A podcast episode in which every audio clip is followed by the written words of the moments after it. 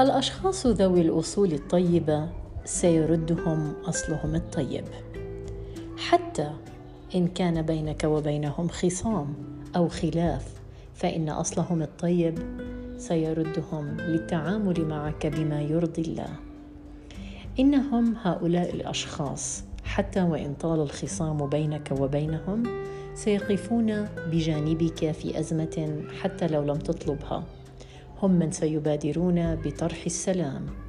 هم من سيتصلون بك عند سماعهم عن وقوع مصاب قد أصابك حتى وإن كنت قد أسأت لهم.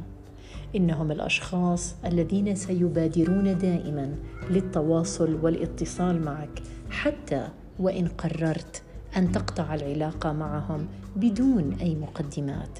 هؤلاء كنز دفين إنهم لا يتكررون. هم عملات نادرة.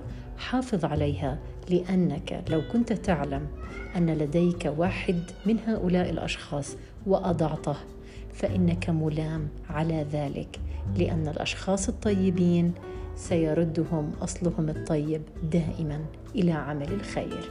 كن ذي أصل طيب. thank you